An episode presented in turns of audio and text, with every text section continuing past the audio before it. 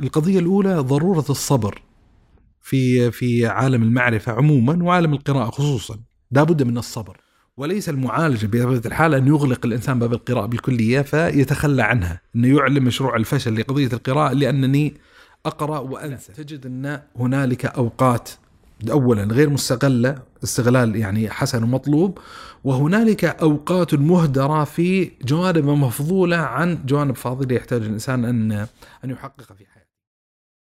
مساك الله بالخير أبو صالح. يا مرحبا أهلا وسهلا. حياك الله. اللقاء بك يتجدد. الله يسعدك الله يسلمك. تحية عاطره لك وللسادة المستمعين والمستمعات. أكرمك الله. الله يحييك. بيض وجهك. هذا هو الجزء الثاني من آه، حلقة مشكلات القراءة. الحقيقة أنه بعد الحلقة الماضية جاء وردتنا أسئلة كثيرة متعلقة بالقراءة بالذات في إشكالياتها أني أنا أقرأ مجموعة من الكتب وأخرج في نهاية كل كتاب ما حفظت شيء منه سواء كانت أبيات شعرية أو مقولات أو المعاني بشكل عام. كذلك أنا أقرأ الكتاب ولا أستفيد. ما أشعر أني أخذت الفائدة المرجوة من الكتاب. فكيف يتعاطى الواحد مع هذه المشكلتين؟ وهناك مشكلة ثالثة كذلك وهي مشكلة أنه ما عندي وقت لأجل أن أقرأ فيه. خلنا نتعاطى في البداية مع قضية أنه لا أحفظ ما أقرأ. هل فعلا هي مشكلة آه، تستوجب حلا سحريا؟ طيب يعني هو المعتاد في صياغة السؤال هذا إني أنسى كثيرا مما أقرأ. إني أقرأ وتسألني بعد أسبوع بعد أسبوعين بعد ثلاثة فلا أتذكر شيئا من الكتاب بتاتا. فيعني المعالجة تمر أظن عبر الوعي بجملة من المعطيات وجملة من القضايا. القضية الأولى الأساسية أن هذه المشكلة هي مشكلة الكل كما يقال. يعني الواحد منا لم يخلق الله تبارك وتعالى على خلقة الإمام البخاري وخلقة الإمام الشافعي. والعجائب القصص والأخبار اللي نقلت عنهما وعن غيرهما. من علماء الإسلام ممن كان يحفظ حفظا مبهرا. يعني الوضعية الطبيعية لعامة الناس لعامة القراء النابهين الجيدين المميزين أنهم يقرؤون وللأسف الشديد يعني جزء مما خلق الله عز وجل من النقص والتقصير الحاصل عندنا أن ننسى في كثير من الأحيان كثيرا مما نقرأ. هذه وضعية طبيعية. لا, لا يتصور من يطرح هذا السؤال أنه هو صاحب المعاناة الوحيدة في هذا الباب لا تبي تخلق عنده نوع من أنواع الطمأنينة فتقول له ترى عامة المشتغلين بهذا الباب حتى المميزين حتى من قد تنبهر بعطاءاتهم المتعلقة في المجال المعرفي ترى هم في حقيقة الأمر ينسون كثيرا مما قرأوا. وأن ليس مطلوب من الإنسان أن يحفظ كل ما قرأ أن يحفظ كل ما قرأ. لا يعني وضع هذا المعيار معيار مرتفع جدا يصعب على الإنسان حقيقة أن آه، يحققه. فالقضية الأولى الأساسية أن هذه مشكلة الكل. يعني حتى من طريف القصص والأخبار التي ذكرتها في بعض المناسبات أني آه، يعني عرضت لي قصة طريف فيما يتعلق بقضية النسيان. يعني كنت أقرأ في كتاب الإمام ابن تيمية رحمة الله تبارك وتعالى عليه منهاج السنة النبوية. وأحد المسائل اللي تعرض لها ابن تيمية وهو يرد على ابن مطهر الحلي في كتاب منهاج الكرامة اللي هو عمر الخطاب رضي الله عنه وأرضاه والطعون الموجهة إليه. فابن تيمية رحمة الله عليه يريد أنه يرد على الأطروحة الشيعية في الطعن في عمر الخطاب فذكر جملة من فضائل الفاروق رضي الله عنه وأرضاه فسرد جملة من الأحاديث. كان من جملة الأحاديث اللي ذكرها ابن تيمية رحمة الله تبارك وتعالى عليه حديث غريب وحديث عجيب يعني على المستوى الشخصي وهو قول النبي صلى الله عليه وآله وسلم لو كان نبي بعدي لكان عمر لو كان نبي بعدي لكان عمر. ما أخفيك لما قرأت هذا الحديث أول هاجس هجم على نفسي لما قرأت هذا الحديث إنه يبدو لي إن هذا الحديث حديث موضوع حديث مكذوب. يعني أنا أجل عمر محب لعمر بطبيعة الحال كحال سائر أهل السنة والجماعة وأعرف جملة عريضة من فضائله لكن ما سبحان الله قبل ما أقرأ هذا الكتاب ما مر علي. هذا الحديث وعدم مرور هذا الحديث جعلني في موقف المرتاب الشاك في صحة هذا الحديث تخوفا من أن يكون أحد من يريد الانتصال لعمر ينتصر له بمثل الممارسة الباطلة بالكذب على النبي صلى الله عليه وسلم.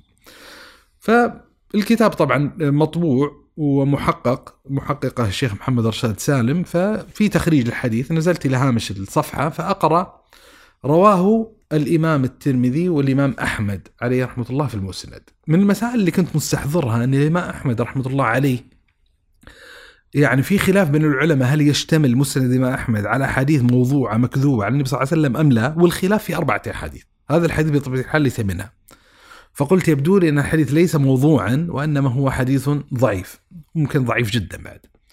وكمل التخريج أكمل التخريج فارتطمت بكلمة أو بجملة جعلتني أتوقف وأستغرب وهو أن الشيخ الألباني قوى إسناد هذا الحديث وصححها في سلسلة الأحاديث الصحيحة. طبعا الإشكال كان عندي مركب من قضيتين أن كيف يظهر أن الحديث هذا صحيح والأغرب والأشكل أني أنا شخصيا قرأت سلسلة الأحاديث الصحيحة للشيخ الألباني قبل ذلك وما أذكر أن مر علي هذا الحديث. طبعا معالجة هذه الإشكالية ولذا حتى تسرب عندي إشكال وشبه معين محتمل أن يكون في سلسلة الحديث ضعيفة وأن أخطأ محمد شهد سالم. لما رجعت طبعا وموجود رقم الحديث يمكن حتى 510 إذا ما كنت واهما. آه، رجعت إلى إلى إلى رقم الحديث ففوجئت أن الحديث فعلا موجود في سلسلة الحديث الصحيحة مع مروري على هذا الحديث بطبيعة الحال. الأغرب والأعجب أني من عادتي أقيد الفوائد على الغلاف الداخلي كما يقال للكتاب. فكنت مقيد أحد الفوائد حديث عظيم في فضل عمر الخطاب رضي الله عنه وأرضاه. آه، انظر صفحة كذا. فكانت الإشارة إلى إلى ذات الحديث. فالإنسان قرأ الحديث أعجب بهذا الحديث. ولما قرأه بعد يعني فترة زمنية يمكن سنوات في كتاب آخر نسي تماما أن مر عليه هذا الحديث الثابت عن النبي صلى الله عليه وآله وسلم. فيصير هذه الحالة وضعية طبيعية. يعني حتى أذكر مواقف الطريفة كذلك إني مرة من مرات آه، يعني مع أحد الزملاء مجموعة من الشباب الزملاء ممن بيني وبينهم تواصل في قراءة شهرية مجلس قراءة آه، وكان مقترب موسم الحج فكان المقترح أن نقرأ كتابا اسمه نوازل في الحج. رسالة علمية. آه، ف يعني قبل الموعد تقريبا بأسبوع ونص أسبوعين بدأت أقرأ الكتاب يعني تحضيرا للقائنا وبدأت أقرأ أقرأ أقرأ أقرأ لما وصلت قريبا من نصف نصف الكتاب تقريبا تفاجأت أن في أحد هوامش الصفحة في علامة استفهام صغيرة. أنا من عادتي إذا تشكلت شيء في, في الكتاب أحط علامة استفهام صغيرة وفي الصفحة الداخلية من الكتاب أروح أقيد رقم الصفحة. بحيث لو وقفت يعني عند أحد المشايخ أو طلبة العلم أو العلماء أو أو أحد الزملاء فممكن أتداول معه النقاش فيما يتعلق بهذه الإشكالية. فلما شفت علامه الاستفهام الصغيرة استغربت إن إن أنا يعني قاري الكتاب يعني ما أذكر بتاتا إني قرأت الكتاب. فرحت قفزت إلى آخر الكتاب أبي أشوف يعني وعادتي كذلك إني إذا انتهيت من كتاب أقول تم بحمد الله ووقع وأكتب تاريخ الانتهاء. فطبعا فوجئت لما فتحت الصفحه تم بحمد الله وكذا طلع قراته قبل سنة. ومع ذلك لاحظ قرأته قبل سنة ونسيت تماما ليس معلومة في الكتاب نسيت أني قرأت الكتاب. فقصدي جزء من الإشكالية وجزء من المعطى أن هي وضعية إلى حد ما طبيعية. بل وضع... اللي صدق كلامك أنه إيه. المحدثين أنفسهم أصحاب الحديث إيه. بل أن الشيخ يحدث طالبه بحديث ثم ينسى. الشيخ. فيأتي طالبه ويحدثه أنه قد حدثه. فيقول الشيخ حدثني فلان أنني حدثته بكذا. جميل. فإذا كان عند المحدثين الذين يحفظون الحديث ويكررونه فعندك أيها القارئ أولى. فهذه جزء من وضعية يعني يعني طبيعية طبيعية خلينا نقول. لكن يعني ليس المعنى بطبيعة الحال أن يستسلم الإنسان لهذه الإشكالية. الاستسلام لهذه الإشكالية ليس صحيا يحتاج الإنسان أن يطور كفاءته في قضية القراءة. وليس المعالجة بطبيعة الحال أن يغلق الإنسان باب القراءة بالكلية فيتخلى عنها، أنه يعلن مشروع الفشل لقضية القراءة لأنني أقرأ وأنسى. ال ال ال أحد المعالجات اللي يحتاج الإنسان أن يراعيها أن يراعيها في هذه القضية أن الخطاب هذا اللي هو قضية أني أقرأ وأنسى كلما قرأت آه، لا يخلو في تقديمي في تقديري وتقييمي من قدر من المبالغة. من قدر من المبالغة. يعني أنا لا أحصي عدد المجالس اللي جلست فيها فيطرح موضوع للبحث والنقاش أو يقع بينك وبين أحد زملائك مثلا مناقشة ساخنة في قضية معينة أو تسأل سؤالا فتجد من استفزاز السؤال ما يستخرج من نفسك معان كنت قد قرأتها. بعد فترة وأنت مسلسل في الحديث وتستحضر المعاني تستغرب أن كيف قاعد أستحضر هذه المعاني. يعني أحيانا تحتاج إلى إلى محفز لاستخراج المعنى. يعني ليش أقول قدر المبالغة؟ بعض الناس يحك يحكم على نفسه بقدر من الفشل في قضية القراءة لأنه ينسى كل ما يقرأ تحت سطوة أنه عاجز عن أن يستظهر الكتاب أو يسمع الكتاب هكذا بعد انتهاء منه خلينا نقول بشهر. لكن في كثير من الأحيان هنالك جملة كثيرة من المعلومات اللي مرت عليك في أثناء القراءة لو طرح عليك سؤال. يعني بمعنى استفزاز السؤال أو دخلت في مثلا في مخاصمة ومناقشة مع أحد آه، مثلا زملائك فيما يتعلق بهذه القضية تجد أن جذوة النقاش وحماسته وغليانه أحيانا يحفزك أنك أن أن تبدي وتنطلق بمعاني معينة تب- تبين أن لم تنسى كل شيء هذا قضية هذا له علاقة بال... بالنسيان ولا له علاقة بالاستفادة؟ إيه أنا قصدي أن الإنسان كذا. قد يبالغ في محاسبة نفسه ومحاكمتها بأنه نسي وهو في حقيقة الأمر لم ينسى هذا اللي بقوله إنه موجود موجود. لكن المعلومة الموجودة تحتاج أحيانا إلى ما يستفز, يستفز الإنسان لإظهارها.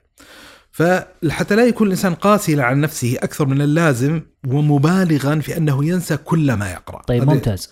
مثلا من الأشياء اللي تؤكد قدرا من المبالغة؟ لا إن هنالك جملة من الفوائد التي يتحصل الإنسان عليها من قضية القراءة حتى لو وقع عنده قدر من النسيان وهي قضية الإحالة. يعني أنا على سبيل المثال مثلا لو سئلت مثلا سؤال عن حكم الحجامه للصائم هل يفطر أو يفطر؟ أستطيع احيلك أقول لك ترى ابن القيم عليه رحمة الله تبارك وتعالى ناقش هذه المسألة مناقشه موسعة في كتابه شرح تهذيب سنن أبي داود لو سألتني طيب اعرض لي إيش إيش الأقوال اللي ساقها وأدلة الأقوال والاعتراضات القائمة الموجودة؟ قد أكون عاجزا عن أقدم لك جوابا تفصيليا لكن على الأقل أتذكر أن. ترى بحث المسألة هذه بحثا موسعا بحيث لو احتجت أستطيع أني أعود إلى هذا الكتاب. أو يعني مسألة أخرى في كتاب آخر أو ثالث أو رابع يس- يستطيع الإنسان على الأقل انه يعرف مضان المعلومات التي مر عليها. فهذه كذلك فائدة آه، تلغي من النفس آه، حالة المبالغة. وجلد الذات بأنها آه، قد نسيت كل ما قرات طيب ممتاز أعتقد إنه فيه يعني أساليب إيه. وسائل تساعدك في آه، تطوير جانب الحفظ عندك يعني مو بالحفظ تطوير كفاءة يعني زي ما ذكرنا في البداية ليس ليس هدف حفظ القراءة المعلومة. حفظ كل شيء حفظ حفظ, المعلومة. كل شيء حفظ كل كل ما يمر على الإنسان لكن يحتاج الإنسان أن يعلق بذهنه على الأقل معلومات حتى يكون هذه القراءة مفيدة ونافعة لأن ليس المقصود من ال ال ال القراءة من حيث هو محض التعبد إني أقرأ ولا أستفيد شيئا حقيقة من جهة النسيان. مثلا من ال ال ال من الأمور النافعة والمفيدة بطبيعة الحال فيما يتعلق بقضية الاستحضار أو استذكار ما مر به الإنسان من معلومات، القضية الأولى التكرار. يعني هنالك كتب مركزية وكتب مهمة وكتب تستحق أن يعيد الإنسان النظر فيها. وبطبيعة الحال إذا نظر الإنسان في الكتاب مرة ومرتين وثلاثة حجم استقرار المعلومة في نفسه سيكون أعلى بكثير جدا من من من آه، تلك الحالة اللي اللي اللي قرأ الكتاب مرة واحدة. وطبعا يعني هنالك كتب تستحق أن يعاد أن قراءتها أكثر من مرة. وعندنا يعني قصص وأخبار فيما يتعلق ب يعني العالم الفلاني قرأ كتاب الرسالة للشافعي كذا مرة والفلاني كذا. بل حتى بعض العلماء يكون له اختصاص بكتاب ما من كثرة يعني ممارسته وتعلقه به. لكن موطن الشاهد إن هناك كتب تستحق أن يعاد قراءتها لجودتها وأهميتها ومركزيتها في. في الحالة الثقافية وثق تماما أن تكرار قراءة كتاب ما سيثبت المعلوم في نفسك بطريقة أفضل بكثير جدا من مجرد قراءة بعض الكتب مرة واحدة. وهنالك نمط من أنماط التكرار يتعلق ليس بقراءة ال ال الكتاب المعين، القراءة في الموضوع. يعني مثلا الممارسات اللي اللي حصلت مني آه، قد لا أعاود النظر آه، في بعض شروح العقيدة الواسطية مثلا ان شرح معين أعيد النظر فيه قد لكن اللي يحصل إني أقرأ شرحا آخر للواسطية وشرحا ثالثا للواسطية وشرحا رابعا للواسطية وحجم التقاطع المعلوماتي بين الشرح الأول والثاني والثالث والرابع ترى كبير يعني ممكن نسبة 50 60 70% متقاطع المعلومات تتكرر عليك. ويكون نسبة الامتياز الموجودة في هذا الشرح عن هذا الشرح تتفاوت. لكن هذه المعلومات المتقاطعة المكررة اللي يحصل أنها تستقر في نفس الإنسان بطريقة أكثر جودة. فعندنا التقنية الأولى أو القضية الأولى تطور كفاءة الإنسان في عالم القراءة اللي هي قضية أن يكرر الإنسان ويعاود النظر في قضية الكتاب. ليس معيبا بل قضية مطلوبة بل هنالك كتب تستحق أن ينظر فيها ويمثل إعادة النظر في بعض الكتب أولوية من مطالعة كتاب جديد. من ال- ال- القضايا كذلك النافعه والمفيدة واللي استثمرتها على المستوى الشخصي ما يتعلق بالتلخيص والتهذيب. يعني هنالك كتب مهمة كذلك، يعني هذه التقنيات لا يلزم تكرار أو التهذيب والتلخيص ليست لكل كتاب يقرأه الإنسان. لكن هنالك كتب تستحق أن يهذبها الإنسان وتستحق أن يلخصها. تناول القلم ووضع الكتاب وتلخيص الكتاب ترى له أثر في استقرار المعلومة ويعني إشراك أكثر من عملية وأكثر من حاسة في عملية الفعل القرائي لا شك إن آه، له أثر مفيد في هذه القضية.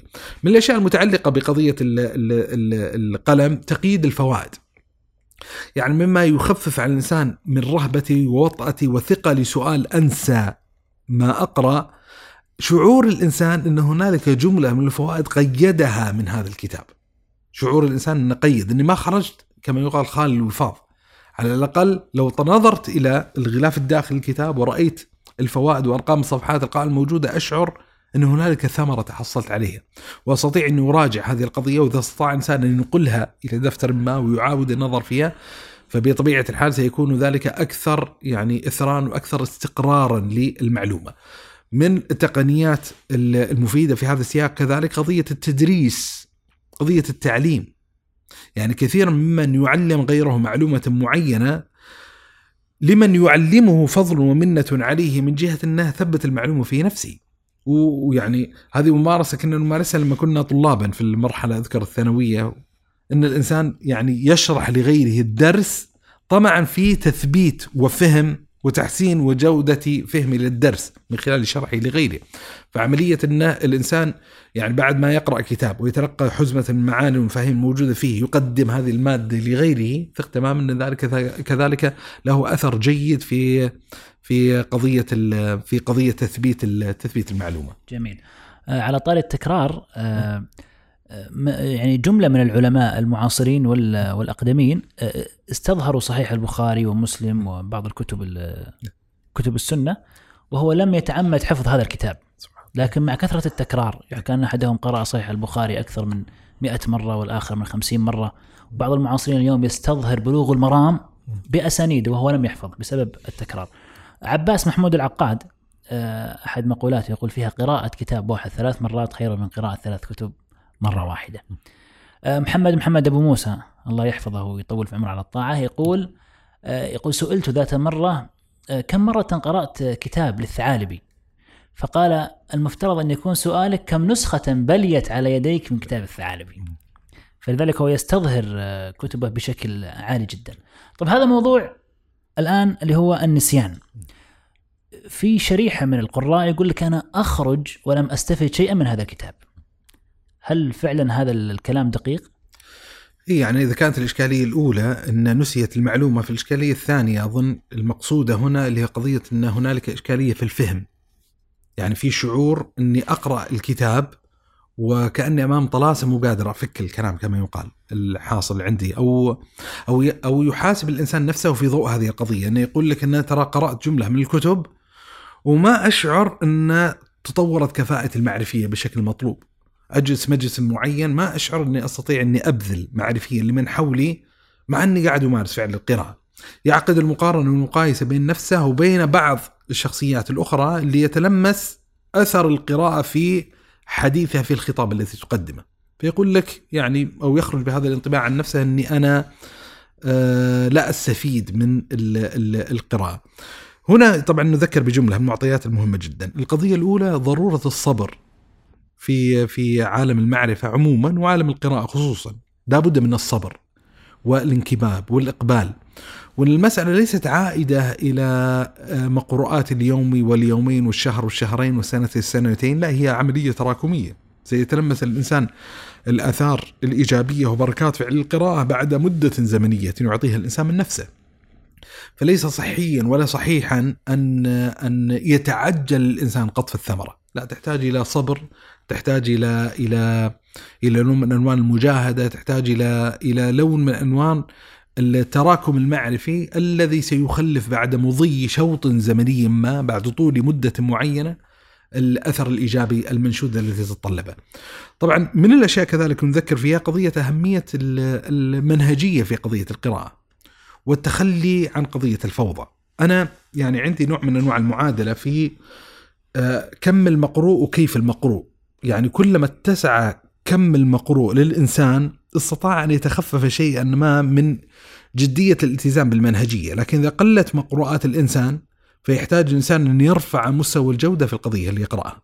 يعني إذا اتسعت مقروءات الإنسان صار أمام عدد كبير جدا فالأصل طبعا الناس سيقرأ المقروءات الجيدة وكذا لكن قد يقع على كتاب أقل شأن من ذلك فعلى الأقل يغتفر الأقل شأنا في خضم المقروءات الكثيرة، لكن إذا قلت مقروءات الإنسان يحتاج الإنسان أن أن يلزم نفسه بشرط عالم في طبيعة المادة المقروءة.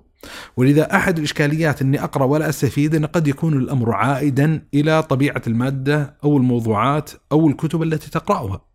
وبتحتاج أن تعاود النظر في هذه القضية عبر مسارات. يعني إما أن يتطلب الإنسان برامج علمية معرفية موجودة ومبذولة في فضاء الإنترنت على سبيل المثال من الكتب الجميلة جدا كتاب الشيخ أحمد سالم السبل المرضية. ترسم لك يعني منهجيات فيما يتعلق بقضية القراءة في مختلف المعارف والعلوم. قضية الاستشارة على سبيل المثال. لكن الشاهد هنا اللي هو قضية أنه قد يكون مدخل عدم الاستفادة من قضية القراءة تخففك من الالتزام بمنهجية علمية جادة تولد عندك آه، بعدا معرفي معينا.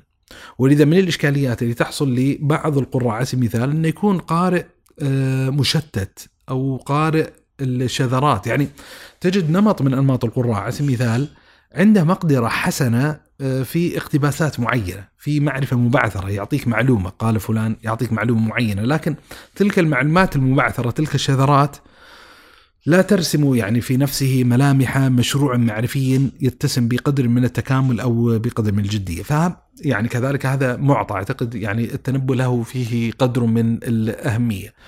من المعاني كذلك اللي أشرت لها يمكن في بعض المناسبات وبعض القضايا لا يكثر الإنسان التنقل. يعني حتى عبرت بهذا التعبير أظن اللي هو قضية إن بعض الناس قد يكون عنده لون من ألوان الخبرة الواسع في مقدمات الكتب. في مقدمات الكتب إنه يقرأ عشر صفحات من هنا وعشر صفحات من هنا وعشر صفحات من هنا يشعر انه بذل جهدا وبذل وقتا آه، وزمنا في القراءة ومع ذلك لم يحصل شيئا. هي لم تحصل شيئا لأنك أكثرت التنقل من كتاب إلى كتاب إلى كتاب إلى كتاب بما لا يولد بطبيعة الحال معرفة ناضجة معرفة متكاملة. ف يعني القدر اللي أشارت نفسي عليه أن الأصل أني ما أنتقل من كتاب حتى أفرغ من هذا الكتاب. فمثل هذا معطى أعتقد يعني كذلك يتسم بقدر من ال ال ال الأهمية. بس هنا ممكن يطرح سؤال إيه. بخصوص التنقل، بعضهم يقول لك أنا أمل من قراءة الكتاب، يعني إيه. أصل مثلا إلى ثلث الكتاب فأشعر بالملل، بمعنى أني إذا أتميت قراءة الكتاب أنا لن أستفيد شيئا، فخلني أخذ استراحة أروح لكتاب ثاني ثم أرجع للكتاب هذا وأكمله فأكون أنا عندي استيعاب عالي أقدر أخرج فيه بفائدة أكبر. إيه جميل. لا المقصود محل الانتقاد اللي أنا قصدته اللي هو عدم التنقل إنه ينتقل ويرتحل تمام الارتحال عن الكتاب الماضي. وإلا يعني يعني لو طرح السؤال يعني بطريقة أخرى إن قضية انه هل هل أشغل نفسي بقراءة كتاب آخر في أثناء قراءتي لكتاب لا لا ما؟ أحيانا أبو صالح ممكن يبتعد عن الكتاب مدة شهر. اي أنا ثلاث اسابيع اي ماشي. أنا قصدي في فرق بين يعني في في نمطين من أنماط القراء، في نمط ال ال القارئ المنوع اللي يقرأ عدة يعني كتب في فترة زمنية واحدة اللي هو أحد يعني محفزات بالنسبة له اللي هو من عنوان التنويع تجديد. والتجديد وإبعاد السآمة والملل، هذا مسار، وفي مسار آخر لا إنه يعني يفرغ زمانه أو وقته من أجل قراءة كتاب واحد. فإذا أنجز انتقل للكتاب اللي بعده وهكذا. فهذا يعني مسألة أقول ذوقية ومسألة تعود إلى ما يناسب كل إنسان. جميل. لكن المحل النقد الآن لما نتكلم أني أنا أقرأ ولا أستفيد قد يكون مدخل عدم الاستفادة عندك أنك بطبيعة الحال أنك ترى لم تحصل لم تحصل معرفة متكاملة من الكتاب الأول. فضلا عن الثاني فضلا عن الثالث فضلا عن الرابع لأنك تتنقل. وهنا طبعا أنا ألمح إلى بعد تربوي يعني نعم قد يكتشف الإنسان في أثناء قراءة كتاب ما أن الكتاب لا يمثل أولوية بالنسبة إليه أو قد يكون هناك كتاب أولى أن ينتقل إليه. لكني على المستوى الشخصي أرى أن الأولى والأفضل في حق الإنسان أن يربي نفسه ويطوعها على عدم تطلب التنقل لأن إذا عود الإنسان نفسه استسهال عملية انتقال من كتاب إلى كتاب تخشى أن يقع في هذه البلية وهذه الإشكالية لأن ترى الكتب كثيرة وكل يوم تقذف تقذف المكتبات كتب جميلة وجديدة ومحفزة. فأنا أجعل الكتاب الذي أطمع في قراءته الذي نزل جديدا محفزا لإنجاز الكتاب الأول. حتى أستطيع أني أنتقل للكتاب الثاني. لا أني أنقطع عن الكتاب وأنتقل للكتاب. طبعا في استثناءات وممكن هذا ينقلنا إلى إلى نقطة يعني مهمة وهي متصل بقضية المنهجية. قد يكون عدم الفهم أو عدم الاستفادة عائد لصعوبة الكتاب. إني أقرأ الكتاب وما أفهم. نقول الحين يعني في عدة آه، قضايا أو عدة آه، يعني تنبيهات يحتاج الإنسان أن يراعيها فيما يتعلق بطبيعة صعوبة الكتاب. بادي الرأي من الطبيعي جدا آه، بل من المطلوب أن يكون هنالك قدر من الصعوبة في الكتاب. يعني بالذات في لما نتكلم عن بعد عن المجال المعرفي ما نتكلم عن قضية القراءة الترفيهية ما يتعلق بالقراءة القصصية أو الروائية على سبيل المثال مع الفوائد الموجودة فيها لكن نتكلم هنا عن كتابات لا أكثر عمقا أكثر جدية آه، تتصل بتكوين المعرفه للانسان. فهنالك قدر من الصعوبة مطلوبة في الكتاب. تشكل هذه الصعوبة الفرق المعرفي بين مستوى الإنسان معرفيا وما يطمع أن يصل إليه معرفيا، يعني الكتاب يكون أصعب يعني أرفع درجة معرفية منك بحيث يشكل الوصول إليه قدر من التحدي. فهذا الفارق مطلوب لأن ليس المطلوب من قضية القراءة أن يستغرق الإنسان في عملية القراءة بذات المستوى اللي هو عليه أو كتاب أنزل مستوى منه. لا يحتاج أنه يرتقي معرفيا. فعملية الارتقاء معرفيا يشكلها الفرق المعرفي اللي يمثل قدرا من الصعوبة وقدرا من التحدي. هذا المستوى مطلوب. لكن لا يصح أن يكون الفرق المعرفي واسعا جدا بحيث لا يستطيع الإنسان أن يجسر المعرفة. يعني قد يصير موطن الخلل في قضية لما نتكلم عن قضية المنهجية المنهجية أحد السمات الأساسية لها مضافا إلى مراعاة الأولويات في قضية القراءة وأن آه، يقدم الإنسان الأهم فالمهم من القضايا الأساسية التدرج. التدرج. فيحتاج الانسان أن يتدرج. الإشكالية اللي تعصف عند بعض الشباب إنه يقرأ كتابا لا يمثل الدرجة أو الخطوة اللي ينبغي يخطوها. لا يطمع بعشر خطوات قدام. يريد أن يقفزها بقفزة واحدة. قد قد يعجز وعجزه هذا قد يخلف عنده حالة من حالة الإحباط فيترك مشروع القراءة بالكلية. فنقول نعم هنالك قدر من الصعوبة مطلوبة لكن هذه الصعوبة لا يصح أن تكون صعوبة كبيرة جدا لا يستطيع لا يمكن أن تفهم. لا يمكن أن تفهم. طبعا ونحن لا نتكلم هنا عن نمط آخر من أنماط الكتب التي يتقصد أصحابها أحيانا الإلغاز أو الغموض أو الصعوبة. فيعني لا يتهم الإنسان نفسه بالضرورة. يعني أذكر من الكتابات المشهورة في في الحالة الفكرية وكذا كتاب ثلاثية الدكتور عبد العزيز حمودة. اللي هو المرايا المقعرة المرايا المحدبة والخروج من التيه. في مقدمة أظن مرايا المقعر في المقدمة كان وهو مشروع نقدي للأدب الحداثة. في المقدمة يقول كنت أقرأ في كتب الحداثة وأدب الحداثة ولا أفهم. فأتهم نفسي بأنني يعني عندي إشكالية معرفية وأني ما وصلت لمستوى أن أفهم هذه الأطروحات المعمقة اللي يطرحها أولئك. فلم أترك يعني سوداء في بيضاء كما يقال طيلة يمكن 15 سنة. ناس الرقم إلا قرأته من كتابات الحداثيين. ثم اكتشفت يعطيك الحين أن المشكلة ليست في في وإنما المشكلة في اللغة التي تقصد أصحابها والمصطلحات والمفاهيم التي تقصد أصحابها. لما تتكلم عن البنيوية على سبيل المثال والتفكيكية وتقرأ يعني الجدليات الفلسفية في محاولة تحليل هذه المصطلحات تكتشف أن هنالك قدر من الغموض المتعمد.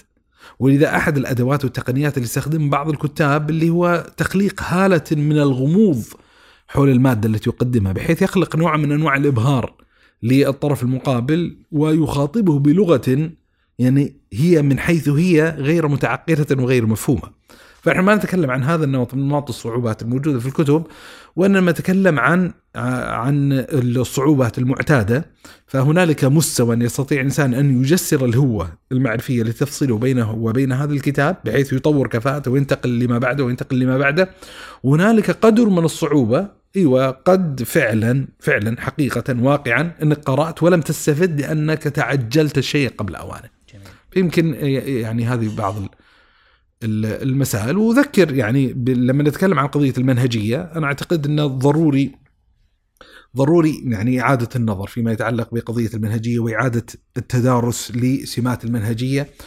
و آه، يعني هنالك نوع من أنواع الطمع المعرفي الذي يحمل الناس على تطلب المعرفة جملة كما يقال ومن تطلب العلم جملة حرمه جملة وعدد الكتب التي يرغب الإنسان ويطمع من نفسه أن يطالعها ترى كبير وكبير جدا، لكن الله عز وجل لم يقدر لنا أعمار نستطيع أن نستوعب كل ما نريد أن نقرأ، وبالتالي يحتاج الإنسان أن يمارس لون من ألوان الزهد في عالم القراءة، بمعنى أن الزهد ليس يعني معنى إيماني تعبدي يتعلق بشأن المعاش، حتى لما تتكلم مثلا مثلا بعض المحدثين لما يتناول قول الله تبارك وتعالى ألهاكم التكاثر.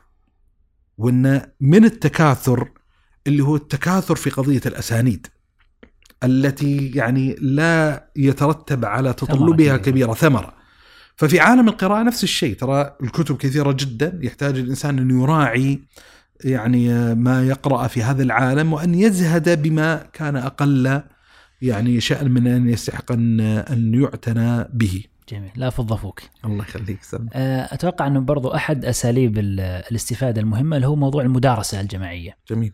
آه، النووي رحمه الله كان يقول مدارسة ساعة خير من قراءة أيام بل سنوات. جميل. فالمدارسة أحيانا آه، تعطي شعور بالاستفادة وتعطيك كذلك ترسيخ للمعلومات وتأكيد لها وترتيب للأفكار. هو المدارسة لها فائدة مزدوجة أحيانا سبحان الله وهذا يلمس الإنسان لما يطرح معلومة معينة. أحيانا يشعر الإنسان إنه ما كان فاهم معلوم بطريقة جيدة فإذا بدأ يتحدث ويتكلم آه، انفتحت له أبواب من الفهم ما كانت حاصلة له بمجرد قراءته. هذا على المستوى الشخصي. غير الفائدة البديهية الواضحة من قضية المدارسة مع الغير إنه قد ينتفع من فهم صاحبه لمسألة معينة فهما يضيفها إلى فهمه. هذه قضية ممتاز. كذلك ممتازة جدا. بل هي أعتقد إنها يعني أمر مهم في فهم أي كتاب لأنه أحيانا الإنسان قد يقرأ كلمة خاطئة أو معلومة يفهمها فهم خاطئ ويطبقها التطبيق الخاطئ. وفي مقولة مشهورة لا تأخذ العلم من صحفي ولا مصحفي. طيب في سؤال ثالث مهم وكثير ما تم طرحه يعني في في الأسئلة اللي هو ما عندي وقت للقراءة أصلا. فأنا كيف أوجد وقتا لاستطيع أن أتحصل على هذه المعرفة؟ طبعا هذا السؤال يعني كذلك سؤال مؤرخ فيما يتعلق بقضية القراءة وأنا أزعم أن نحن نعيش في سياق زمني خطورة هذا السؤال وضغط على النفس أكثر بكثير جدا من سياقات زمنية ماضية. يعني حجم ما تستهلكه شبكات التواصل الاجتماعي من حياتنا اليومية عالي وكبير جدا. وهذا طبعا يفتح نافذة ممكن نخصص حلقة مستقبل ما يتعلق ب آه، شبكات التواصل الاجتماعي وأثرها في مجال المعرفة وما يتعلق بالمجال القراءة. يعني لكن الشاهد أن في أزمة متعاظمة وزائدة فيما يتعلق بقضية القراءة في ظل شبكات التواصل الاجتماعي وأن حجم هدر الوقت اليومي في شبكات التواصل الاجتماعي في اليوتيوب في تويتر في السناب شات في غيرها من التقنيات شيء كبير جدا. من المعاني طبعا نذكر بها يعني أساسية اللي هو قضية أن الحب يولد الوقت. يعني أنا أعتقد يعني إنه يحتاج الإنسان يعني يعني ليست تهمة لكل من يطرح هذه الإشكالية إنه ليس محبا حقيقة لقضية القراءة. لكن هي مسألة تحتاج نوع من أنواع المراجعة والطمأنينة والتأكد أنه فعلا هل الأزمة الحقيقية التي تقع منك الآن أن ما عندك وقت فعلا ولا هي أزمة مفتعلة؟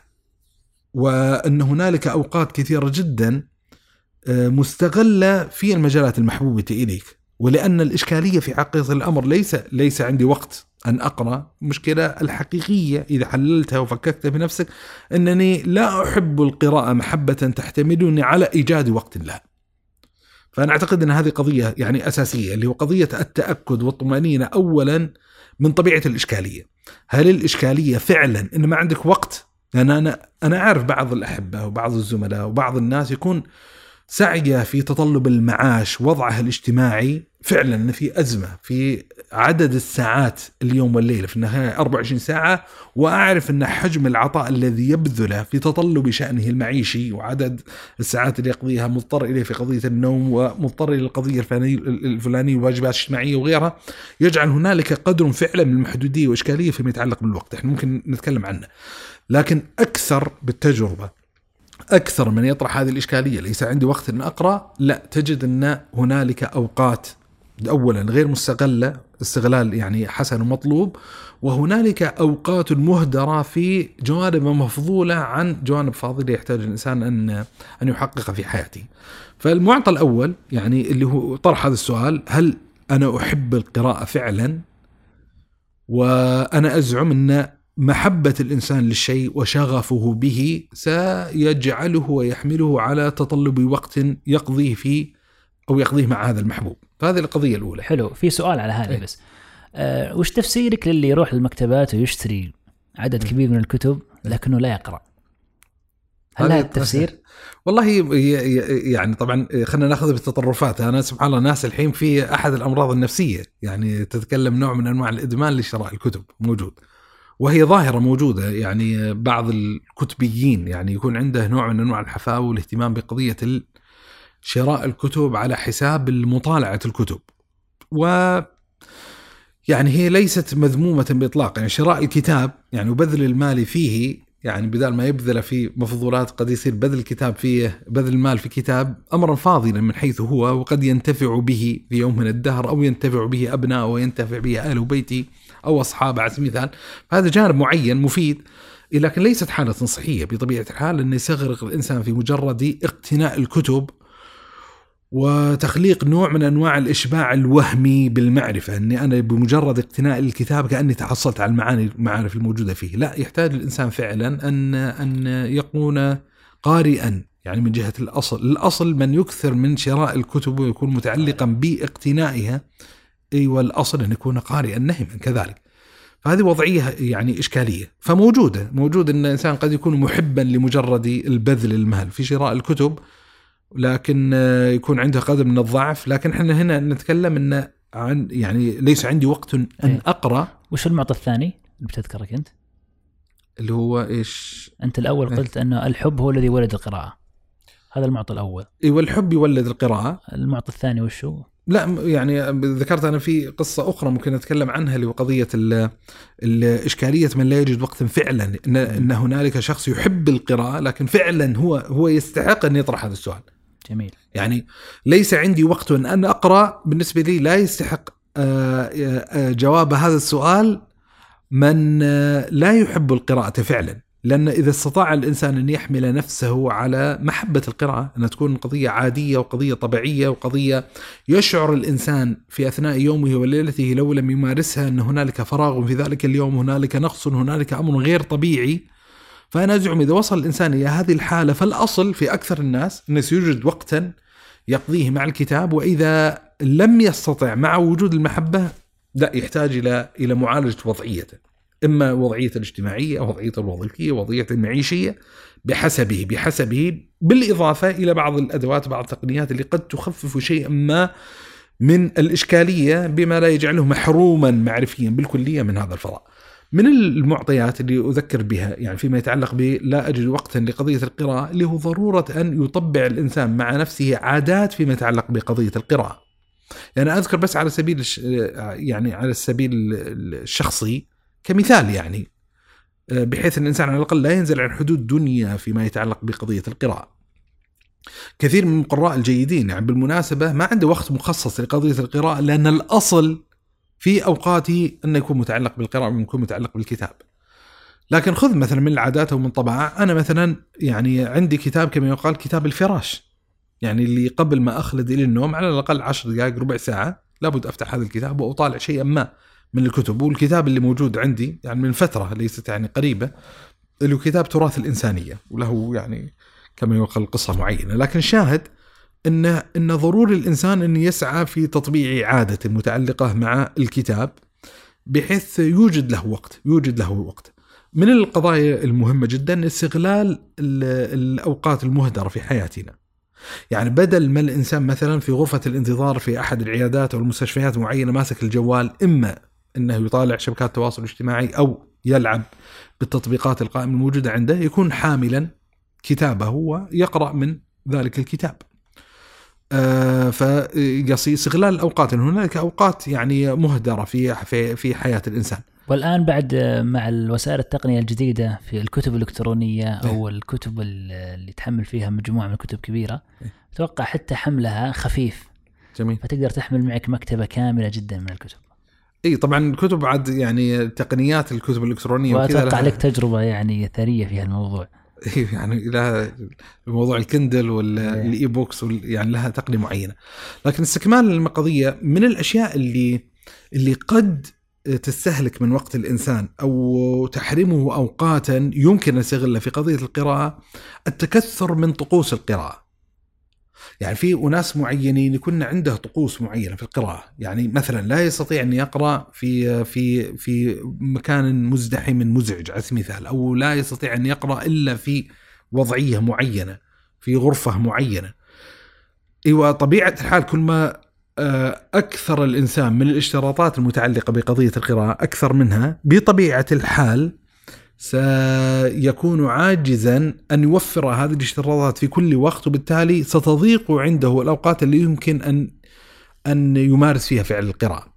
فأحد الأشياء اللي وجدت آه، أثرها الإيجابي على نفسي هو التخفف من طقوس القراءة.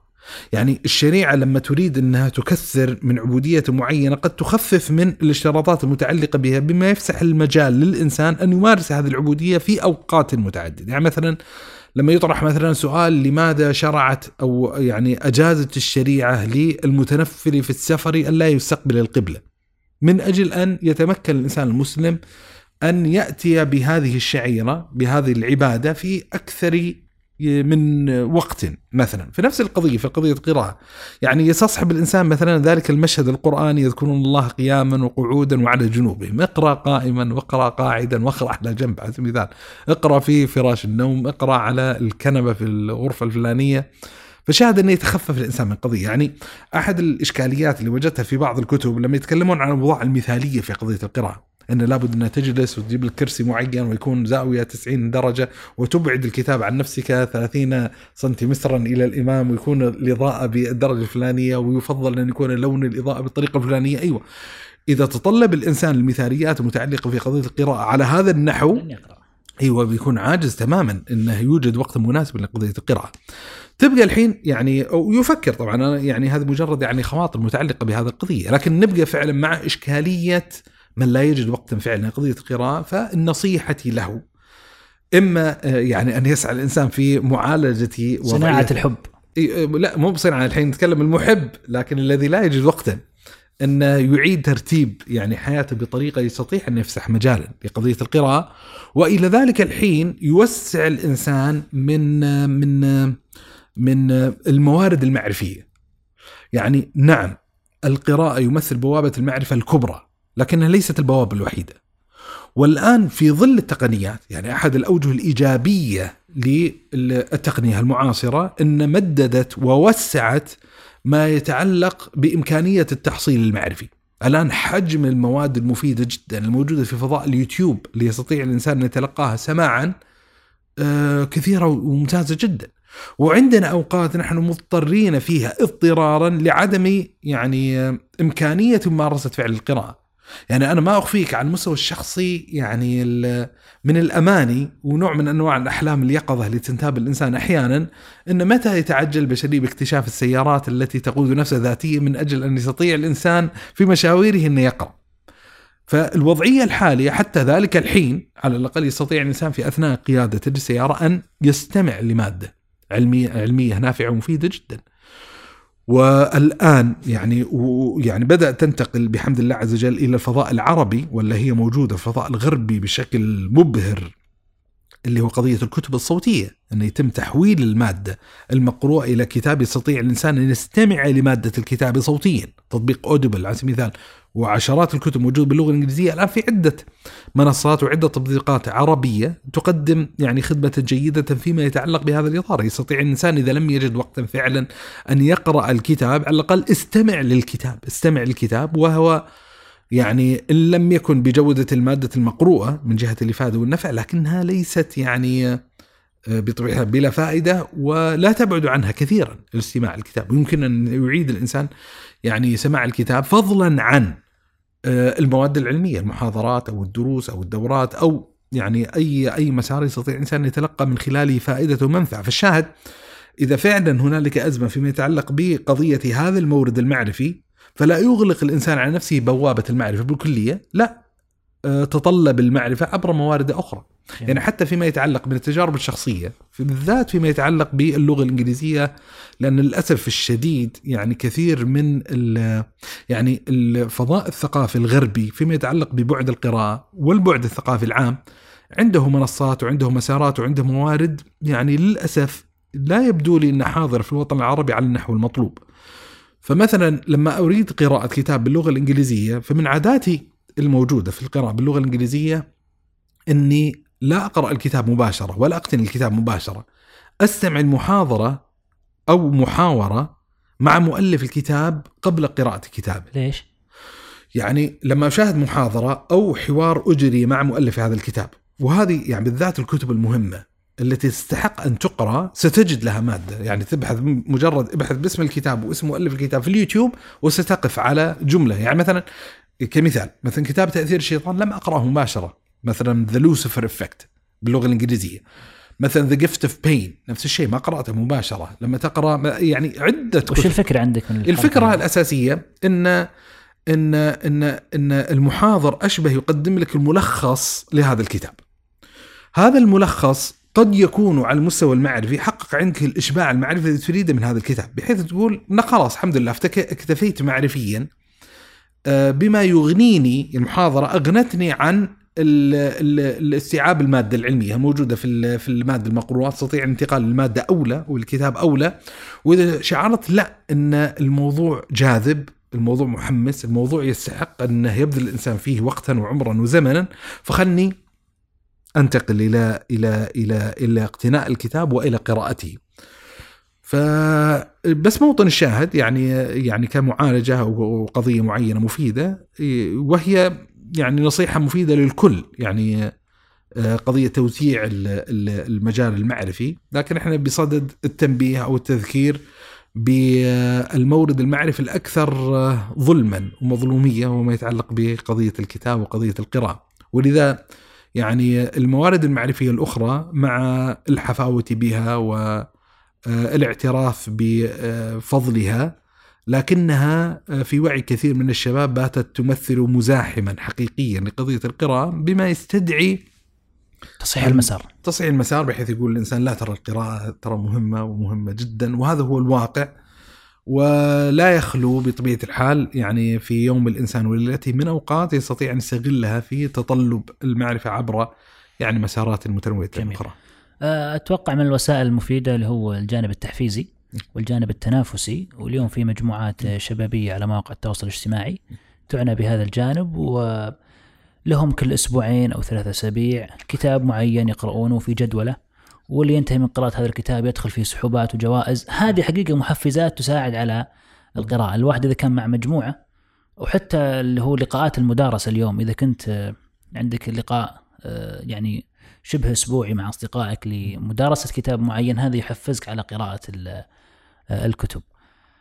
آه، شكرا لك يا أبو صالح. الله يحييك الله الحقيقة أن هذا اللقاء ماتع ونرجو انه يكون يعني أجاب عن أسئلة المتابعين. آه، شاكر لك هذا الحضور. نلتقي إن شاء الله في حلقة قادمة.